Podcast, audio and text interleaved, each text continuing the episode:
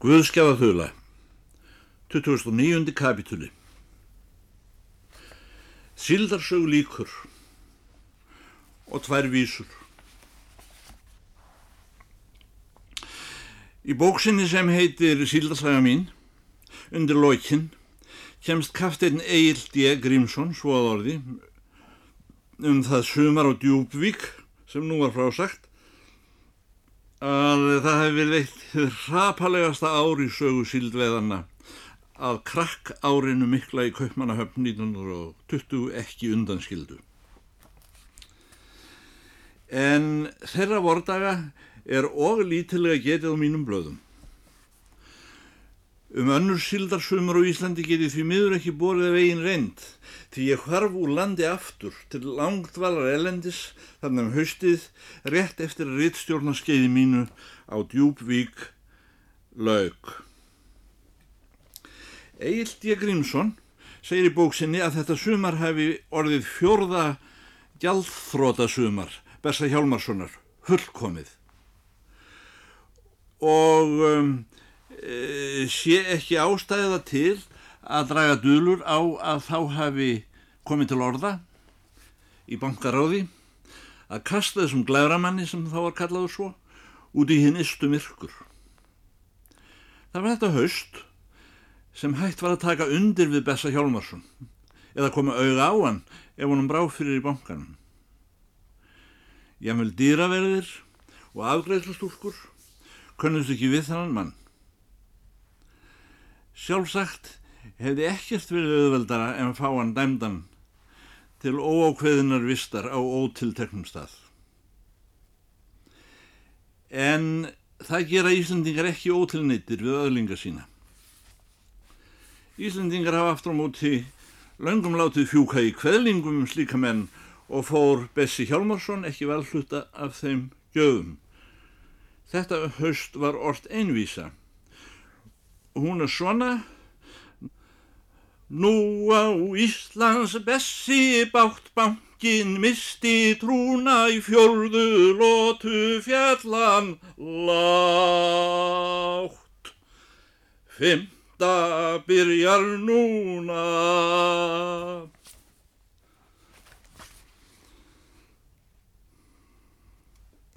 Eða, ég les áfram orðrétt úr uh, bókinni Sildarsaga mín eftir Egil D. Grímsson.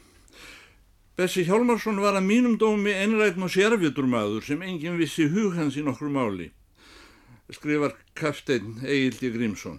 En það fór hann aldrei að ráðum annara manna í einun í neinu ef frá er skilinn hlærmaður hans eða kontaktmaður í viðskiptaheiminum og áður var nefndur í bókminni hér að framann um, Gottisen sem ekki var barón.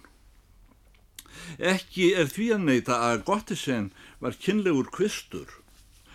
Af mörgum var hann kallaður Hilfíblbessa og væri útgerðamannin nöðsinn að hafa í fylgsinni trúleikara að stjana undir sig að drikju og hafa af fyrir sér í róluköstum sem oft fylgja viskiði. Eh, þessari skoðun vil ég enn leifa mér að mótmæla. Gottisen var sem fyrr segir eitthvað íslenskur í annan endan, sáður kynjaður af Hofsós, þó fættur danskur í Kaupmannahöfn og gekk þar á skóla en lendis nefna á Íslandi og var líkt því sem hann hengi alla tíð á bandi millir Kaupmannahafnar og Norðurlandshafna. Hann kom vel fyrir á vissanhátt og hafði fengist við bráns í ymsum löndum fyrir sjálfan sig áður en hann ánett hérðist Æsland Bar og Company á Djúbvík Æsland. Þó Ísland spessi bæri ekki við að kynna gott að öðruvísi en barónin sem dansa Lulufado. Trú ég því mátulega að hann hafi sendt þennan barón að dansa ofangreindan dans í vesturheimi síldaleysi sömarið. Valla heldur í refsingarskinni fyrir hvennafara á Hotel Djúbvík. Þeir drengir höfðu einlegt eitthvað í pokahotninu þegar þeir voru að látast. Annarmál er það og var þar ekki mínasögu að Gottisen var síðar dæmdur fyrir landráð og rækur gera Íslandi ævilangt fyrstur manna í sögu landsins. Fyrir utangunar og hlýðarenda sem þó aldrei fór. Ég held meira að segja að það hefði verið þessum manni að þakka að Norðsíld og Kó átti innhlaup í ólíklegum stöðum ytra þegar í halvbakkan sló hjá þeim bæði á Íslandi og Norðurlöndum. Til að mynda fór í krakkinu 1920 e, e, þá um, fór svo að um, þeir fóru að uh, kaupa steinnökva og keftu þrjá ólega steinnökva sem leiði það í Hollandi síðan í stríðinu og let Bessi draga þá til Íslands um sumarið og sökti þeim við sjávarbakkan á djúbvík sem fyrir getur í bókminni, segir um, Egildi Grímsson. Nökkvarnir voru síðan hafðir í undirstöður að miklum söldunarbríkjum sem Bessi gerði þar og áttu eftir að verða honum undirrót ærinna auðaða. Bæði á djúbvík og í bankanum vildi viðbrenna að menn voru virtir eftir egnarhaldi á saltunarbríkjum.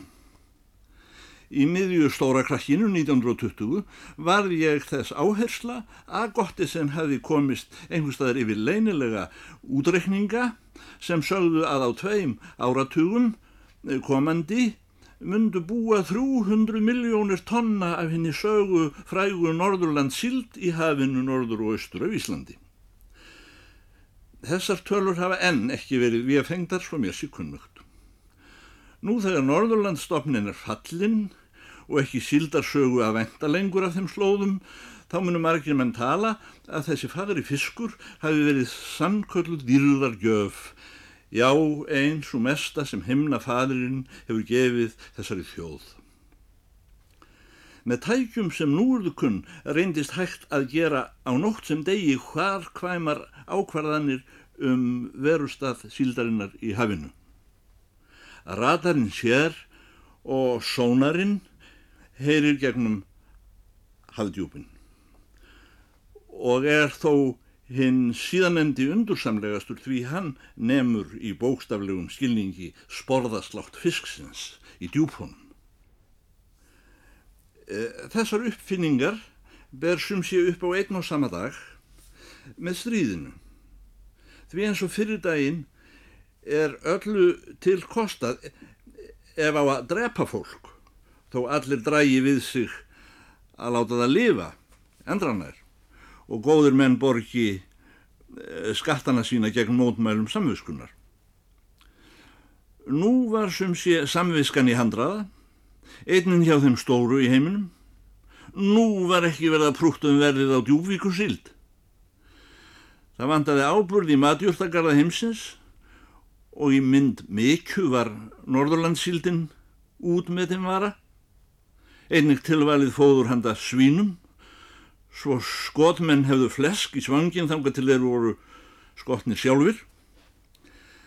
Að ég nú ekki gleymi óstöðvandi ísókn sem varði hverja ljósa ögn og sildalísi keft dýrum dómum handa sprengjuðinnaðinum þar sem farið var að fram, framleiða nýtröð úr ekkjahvítuefni. Það kom sér að með fram norðurströndinni stóðu nýjar sildarverksmíður hálfsmíðaðartugum saman í kallfæri hver við aðra eins og víghyrningarnir á kymvaska múlnum og var nú loki við að smíða allar þessar verksmiðjur.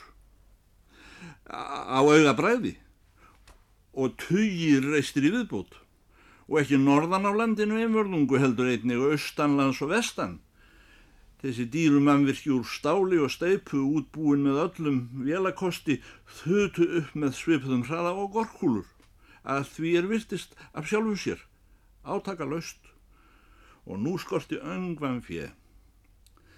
Þessar voldugu verksmýður eiga nú þegar þetta er skrifað fyrir sér að standa fúnar og sprungnar og riðgaðar um aldur og æfi sumar í plossum sem eru með öllu lögst í eyði og liðinundir lok eins og djúbvík, aðrar á víðavangi, minnisvarði Norðurlandsstoppsins sem horfin er eiljulega. Sildarsaga Bessa Hjálmarssonar hefur enn ekki verið skráð en hún er ekki síldarsaga mín nema þar sem okkar þráðum slær saman af tilviljum. Stundum finnst mér ég nefni nafn hans oftar en skildi í þessu lesmáli. Upp úr þessu mikla síldaleysi sumri sem nú var frásagt hætti ég að hafa eftirlit með síldarútgerð á djúbvík fyrir bankans hönd, skrifar kafteinn Egil D. Grímsson. Í útlandum blöðum hefur staðið að vegna gjaldþróta sinna hefði Bessi Hjálmarsson verið margfaldur afbrótamaður á Íslandi. Þessu vil ég andmæla. Mér er vel kunnugt um að gjaldþrótamenn í útlöndum verða venjulega að þóla laung tukthús.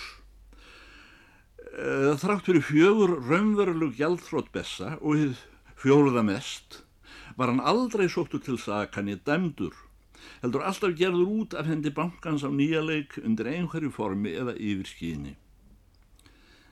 Einhvern neginn vann þessi maður sér tröst þrátt fyrir allt. Landslýðnum þótti vendumann eins og nokkur skonar hetju á borðu greitti sterka ásmundarsson. Engin baðunum óbæna. Ekki einu sinni þeir sem áttu hjá hann kaupið sitt áratugum saman. Þó voru þeir honum tryggastir sem þekktu hann best. Hann hefði einkennilegar sálargáfur sem töfruðu menn hver sem hann fór og þó hef ég hyrt um það deilt hvort hann hafi í rauninni vilja læsið skrifandi. Aldrei sást hann að minnst að kosti skrifa neitt hjá sér. En minni hans var þannig hátta að hann glemdi aldrei alla æfi, persónu og áriðtun manns eða konu sem hann ótti ógóldin laun fyrir störf eða fyrirgreðslu. Ég haf hann smávægilegar upphæðir frá þeim árum en hann var snöðastur maður á Íslandi. Ef svo veri hægt að segja um mann sem alla tíð meðan hann var í broti lífsins átti miljón og aftur miljón sinnum minna en null. Í orði hverðinu var hann samt talinn fyrir stærsta síldarflota Norðurlands, mörgum síldarverksmiðum, fleiri söldunarbríkjum en aðrir menn og þeim stærstu, auk ótaljandi verðmæta í öðrum stöðum en ég efast um að nokkur dag í öll þessi ár hefi eirir staðnæmst það lengi í vasa hans að hann geti kallað hann sinn að kvöldi. En árið eftir síldarleysið mikla skiptir svo sköpum Bessa Hjálmarssonar vegna samstiga aukningar síldarabla og síldarsölu. Að á nokkrum vikum hlaðast slíkar húlgur á rekning hans, kreditmegin, að hlutföllin millir skuldar og innegnar tók á sig myndir sem áður voru óþektar í sögubankans. Þó var þetta aðeins upphafið að því stórgróðaskeiði sem helt áfram með vaksandi styrk, árum saman, meðan hinn að nýju veiði aðferðir og veiði vélar heldu áfram að láta greipar sópa um svæði Norðurlands síldarinnar. Eftir fá ár hafiði Bessi greitt upp í topp allar skuldvindingar sínar frá fyrir dögum. Allt onni vangoldin vinnurlaun síldarstúlna sinna frá sumrinu 1919 og hann hafði verkað upp í bókstaflegum skilningi fyrir gjaldrótt sín. Og þar kom að horfum var úr leiknum svo árátta sem gerir spilafýblinu teninskastið engil blíkt Bessi stóð upp frá spilaborðinu, eitt góðan veðurdag, kom eignum sínum í verð, gekk út úr spilavítinu og kom þar aldrei meir. Hann var horfin burt alfarinn úr landi, sliðaður undir meiri auðlegð en nokkru sinni hefur sapnast á einsmanns hendur á Íslandi svo við það sé. Og að sumrasögn nýður brotin maður sækir velgengni. Ég minnist þess, skrifar Egilti Grímsson, fyrsta stórgróða höstið að ég mætti Íslands bessa í Östustræti. Það var nýkominn frá Djúbvík. Nei, kontum marg blessaður djöfulminn, segir hann því hann kallaði mig aldrei annað. Hvað syngur í kallinu núna? Og allt svona hreppandi, segir, og í þér.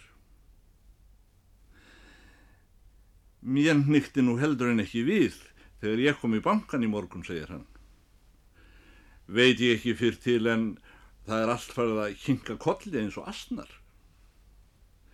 ætli eh, það hefur verið heilsa mér. Mér að segja dýravörðurinn og afgreifslustúlkan virtust kannast við mig. Svipað og, og gamlu konuna sem kemur til að leggja tíkallin á bókina sína einu sinna mánuði.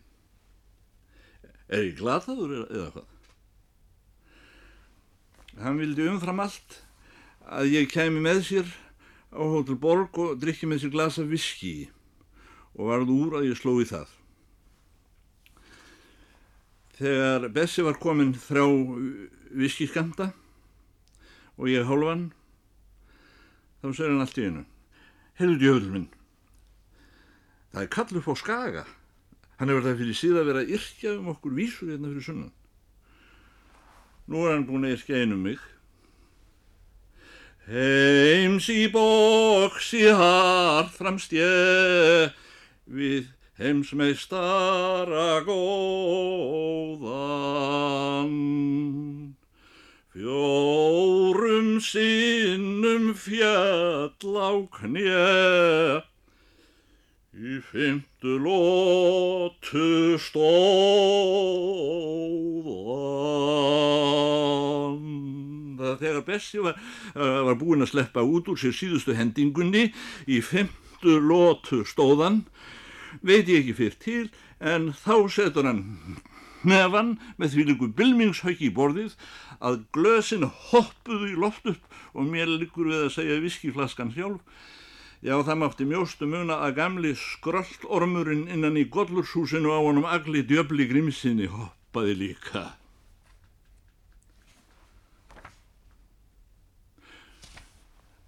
Þrítvæsti kapitúli Hús á Englandi Simskiti af Englandi, ennskur teksti. Svo hljóðandi. Nærvera í þar, lengri eða skemmri, eftir hendurleikum, til að rifja upp fornar stundir, veri mikil gustug hér. Flugmiði í posti handa yður, báðaleðir. Hædvík Skalligrímsen. Æ, var þetta nú einhver dönsk kelling sem ég hefði selt fuggl og hefði nú flust til London og, og fugglinn búin að tapa sögnum eða hættur að geta síkur. Af því tægi voru að munstu kosti erindi og umleitannir sem ég var vanastur að fá utan úr ómæli skimnum. Tilmæli um að hjálpa til að rifja upp endur minningar fólks með svona undarlegt nafn. Slikt var nýmæli. Skeiti af þessu tægi lætur manni detta í hug meistaraverk eftir höfunda sem elska pólitín og hefjast slíkar brefaskriftir á því að morðingjar gappa fórnalamp sitt á ókunnan stað þar sem þeir sitja fyrir þessum aumingja og hafa smegt á höfuð sér svörstum sokk óðfúsir að taka til starfa. Simenon höfðusnillingur sem nú er sáður hafa skrifað hátt í þúsund bækur sækir áhuga á störfum þessara manna og hver hafa fengið sér símaskráður úr Ástralíu til að heia sér mannanöfn í allar þessar bækur.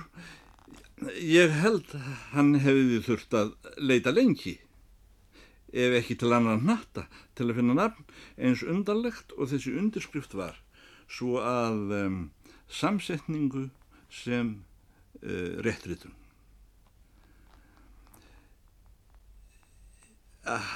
Hædvík Skallekrimsen Í fljótu bræði verkaði nafnið á mig eins og fyndni drukkina mentaskólapilta. Það var að minnstakosti ekki til þess fallið að láta algáðum manni stökka brós. Morgun eftir kom brefið með farstelin fram og aftur. Til að leita af mér grun um að ég veri orðin eitthvað undarlegur, fór ég honni í ruslakorfuna og sóktu þangað samanböglað skeitið og sletti úr því aftur og mikið rétt. Þar stóð þetta afkáralega nafn. Mér hafði ekki dreymt það. Aldrei kom annað fyrir í bókum Simenons en fornalambið álpaðist í gildruna. En það hefðu þá valla orðið margar bækur á mánuði. Svo hæði til að ég hafði um skeiði verið einn af þeim skrítnu hálfíslensku hálfriðtöfundum en algjör köpmaður fuggla sem orðið hafa innleiksanar í landamærum Slesvíkur og Jólands. En ferðin frá Hamborg til Lundúna er þó stittri að mista kosti tíma en leiðin millir braudarstöðvarinnar í Kaupmannahöfn og vannlöðse þar sem gömlu hjónun mín áttu heima og ég hafa minnst þeirra fyrir á þessum blöðum. Kanski höfðu þau flust til Englands og kölluðu nú á mig til að minnast fornra stunda á samt með sér.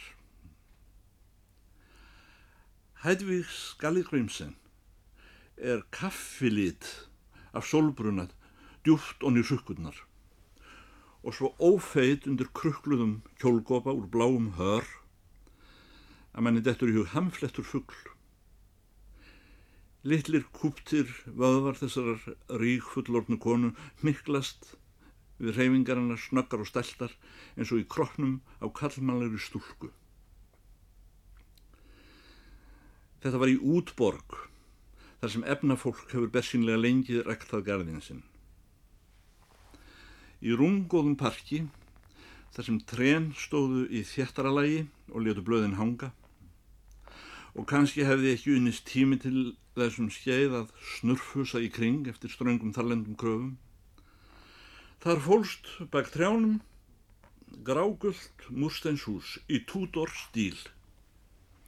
Í þeim húsum leita línundnar upp nema ef óvendur bogi með frísum byrtist yfir dýrum eða glugga og kemur fyrir að fjöldi af mjóum göblum og bröttum turnþögum eru í bendu upp á húsinu.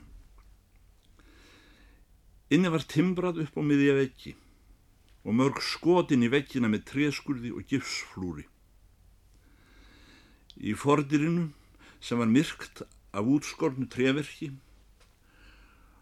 og steindum rúðum heyrðust ámáðleg hljóð úr strengja hljóðfæri meðan konan sagði mér æfisúðu sína. Þessi kona hafði þann amerískan hreim ekki lausan við kokonef hljóð sem gætt þó ekki beintalist undir hinn marg hataða dról úr vestri og sagðist vera dönsk eða jafnvel íslensk þó fætt í bandaríkjum. Á ungum aldri í vesturheimi hafði hún hrifist af íslenskum fornsugum og lesið þær á íslensku í föðurgarði. Hún hafði aldrei fyrr frétt að nokkur munur væri á dönsku og íslensku. Og taldi mig fara með rámt mál þegar ég sagði að sennilega hefðu bækur þær sem hún las í föðurgarði eh, verið á dönsku. Hún saðist lifa á degja einvörðungu fyrir íslenskar hetjur. Og hefði hún frá blödu bansbeini talið sig íslenska og nefnt sig sýstur Egil's Skallagrimssonar sem var hennar eftirlæti. Þegar hún gerðist listakona og fór að gera málverk tók hún upp listamanns nafn eins og hún verið sýstir Egil's Skallagrimssonar Hædvík Skallagrimsen Ég gæti ekki setið múr færi að tjá henni að enn betri íslenska myndi vera heiðveig skallagrimsdóttir. En hún neytaði því með þeim rauksamdum að svo íslenska sem hún hafiði lært í um, fottsagnarbókum föðursins í Texas hefði verið rétt íslenska og gert hana að sérfræðingi í að mála hetjur forn íslenskra sagna. Að þetta var rétt íslenska kom einu sinni ljós þegar Bessi Hjálmarsson var í Amríku sem oftar. Þá kom upp úr dúrnum að hún var einn hinn mest í snillingu sem þá var uppi í íslenskri formsagna málningu. Hún skildi frá byrjun eitt og sérkvært íslenskt orð sem Bessi Hjálmarsson talaði. Það var í erindum Bessa þegar hann var í Amríku að láta fixa málverk sem hefðu til jafa handan okkur um helstu miljónamæringum og herrfóringjum þar í landi. Upp úr því reys eftirspurnin eftir málverkum af leifi hefna og agli Skalligrimsen. Svo mjög að konan varð að setja upp fornsagna verkstæði og ráða fjöldamanns í vinnum. Af þessum sökum glemdist nafn hennar sjálfar með öllu og hún var hverki fram að nefnd öðru nafni en hinn mikla íslenska fornsagna listakona Hædvík Skalligrumsen. Undir því merki syðraðum. Því, því nafni var ekki breytt. Hún var pragmatisti. Gamall tröllaukinn maður sittur í djúpum stóli með fyrlu í njánum og boga í hendinni. Bessi Hjálmarsson. Runnin í andliti með pókandi kinnar, svarblára á litarhátt. En augu hans áttu það sammert við augu merkilegra dýra að upplýtast ekki nýja volkast meðan lífið endist. Svo sannfæring mín hafði verið bjargföst frá upphafi að Bessi Hjálmarsson horki vissi nafn mitt nefndi leggjað á minnið þó hann verið sagt það. En þegar ég gekk til hans og helsaði honum í þessu hútorhúsi þarna í ennskum gardi lagði hann frá sér fyrluna og bóðan og rétti mér höndina eins og kunningja sem maður hefur ekki séð í bráðum mánuð og sagðum leið. Nei, nú er tími síðan við höfum farið í manna. Hvað eru spilin? Á ég að trúa því þú þekkir mig eftir öll þessi ár, spyr ég. Hvað heldur þú, drengur? Við sem erum vinir fyrir lífið. Er þú kannski ekki sá sem skrifar æfisugum mína? Ég þurfti að tala aldrei við þig, en nú er ég búin að gleyma hvað það var, en það gerir ekki til. Þú ótt að gefa. Ég gaf sænast. Þegar við höfum spilað um stund, leggur hann allt í einu spilin á borðið og mann hvað hann ætlaði að segja. Ég skulda þér peninga, segir hann. Ég þarf að fara að borga þér. Þetta er ekkit vit. Ég er búin að borga öllum nema þér. Ég skulda þér 35 krónur. Hérna er veskið mitt, takk það sem þú átt. Svo er endunar, hvað eru þær? Ég er búin að gleyma reikningi. Markfaldaðu eins oft og þú vilt. Takktu það sem þú finnur. 35 pund, 350 pund, 3500 pund. Og mundu hvar æfi sem hann byrjar gullróur. Það er mín byrjun. Það er ég. Og mundu að ég elskaði aldrei nema þessa einu konu. Hún var í himnaríki hvar sem hún var og ég var í helvíti hvar sem ég var. Veist hún dáin? Nýlega spyr ég, en hann myndi ekki nákvæmlega hvort að það voru 10 eða 20 ár síðan dó. Kanski dó hún í gær. Hún er alltaf nýdáinn síðan dó, saði hann. Viltu skrifa að ég elska ekki nema þessa einu konu og börnin mín sem eru öll löngu dáinn eða komin til sjós nema Bergrún. Dragðu. Ég á að gefa. Hvað er viskið? Hædvík Skalli Grimsen kom með viski og glös og sáðu dönsku sem hún talaði með hreim að við höfum hálftíma fyrir matlistaraugan fram að lönns. Íslands Bessi horfið þegjandi á eftir konunni eins og hann ætti ekki fóður undir fatt og var að reyna að koma einhverju fyrir sig. Hvað kettlingar er það eiginlega sem er alltaf að flækjast hér, burði hann á lókun. Ég sagðist vera vissum að þessi kona hugsaði vel um hann og að hann væri heppin að hafa svona góða konu í kringum sig. Arósku döfulegt hérna på hálsinu síðan tæmdist á djúbvík, saði hann. En það er þó giljóru allavega, segi ég. Heyrðu, segir hann. Manstu eftir bergrúnu? Já, saði ég. Hún dó, saði hann. Þetta er fyrlan hennar. Hann rétti mér fyrlun og saði þetta verið eina af þessum ódöðlegu fyrlum sem ekki er hægt að kaupa fyrir peninga. Þó allur Norðurlandsstofnin veri komin aftur, veri ekki hægt að kaupa svona fyrlu fyrir hann. Má ég spila fyrir því einn tón? Hann skorðaði fyrluna undir vangan og dró bógan um strengina. Þetta er ekki nógu gott hjá mér, sagði hann. Það er ekki sama hver tónin er. Það er einn tón sem skiptir máli. Ég held að er nattur.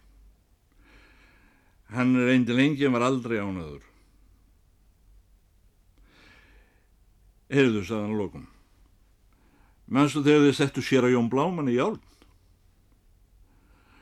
Það voru margir skemmtilegi drengir í fyrir daga. Viltu smala þeim saman fyrir mig og lóta búa til af þeim vaksmyndir svo þeir verði ódöðlegir. Ég lofaði Bergrún því þegar hún var 12 ára með mér í London. Við verðum að hafa vaksmyndir af öllum mestumönnum landsins. Fyrirgefðu, ég er orðin svo vondur í maganum og ég get ekki hleyið. Vaksmyndir, já. Smegur er nú um að það séu þeir hlutir sem ég kann ekki skila á, segi ég. Íslandspressi. Þú fer bara til London. Það er maður þar, hann býrti vaksmyndir. Bara, uh, við munum nú hvað er, hvað er hétu. Það er hann til dæmis sér að Jón Bláman. Það gleymir engin honum. Heyrðu, af hverju var hann svona blár? Hann mun hefði verið síanótiskur, segi ég, það er kallað blásíki. Sætt að segja er ég alveg búin að stengleim honum. Ég man ekki til að ég hefi nokkun tíma heilt hans segja neitt. Þegar hann var einhver staðar, þá segði ég ekki heldur neitt, sagði Bessi. Ég var bett. Þú eittir að skrifa sögu, Jóns Blámans, þegar þú ert búin með mín æfisögu og nú ætla ég að byggja þig að skrifa hérna fyrir mig ávísun á 100.000 pund fyrir vaksmyndunum. Ég er á nónundur að skrifa. Ég skrifa bara undir ávísið annirnar þegar þekkja merkið mitt í London. Skál fyrir róum. Guð sem er róum. Skál Bessi Hjálmarsson. Hverja vildi Bergrún hafa í þessu safni, spyr ég þegar vorum búin að skála. Íslandsbessis svarar. Það skal ég segja þér. Hún vildi hafa Rudolf Valentino og Charles Lindbergh. Við höfum þá í minningu hennar. Og þig sem æfisugur í þara pappa hennar. Og sér að Jón Bláman. Heyrðu, kom hún að finna þig þegar hún dó? Eða var hún að finna pappa sinn og hvað hétt aftur djöfullinu þarna úr bankanum sem við elskuðum svo heitt hann verður að vera. Og bolsjevíkin hjá Kleifarvetni og gott að ekki má gleyma honum. Hann var mesti maður í tveim löndum samanlögðum og fór aldrei úr gammasíunum hann var eini sérfræðingurinn í Lulu Fado sem eftir var í heiminum. Hann vissi upp á eiri hvaða Norðurlandsstofnin var mörg tonn árið 1920 og við veitum hann upp. Hún nugga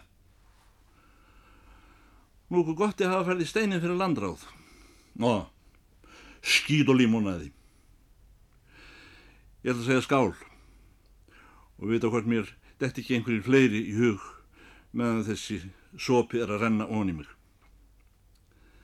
Við mögum ekki gleyma bergrúnu sjálfur segi ég. Það er satt, sagði hann og tók fyrluna Við leggjum frá okkur spil og viski. Nú ætlum ég að reyna að ná þessum tón fyrir bergrúnum. Hann satt lengi með fyrluna í njám sér og fyllaði við strengina og var að reyna að ná þessum sérstaka tóni sem minnir á bergrúnu Hjálmarsson.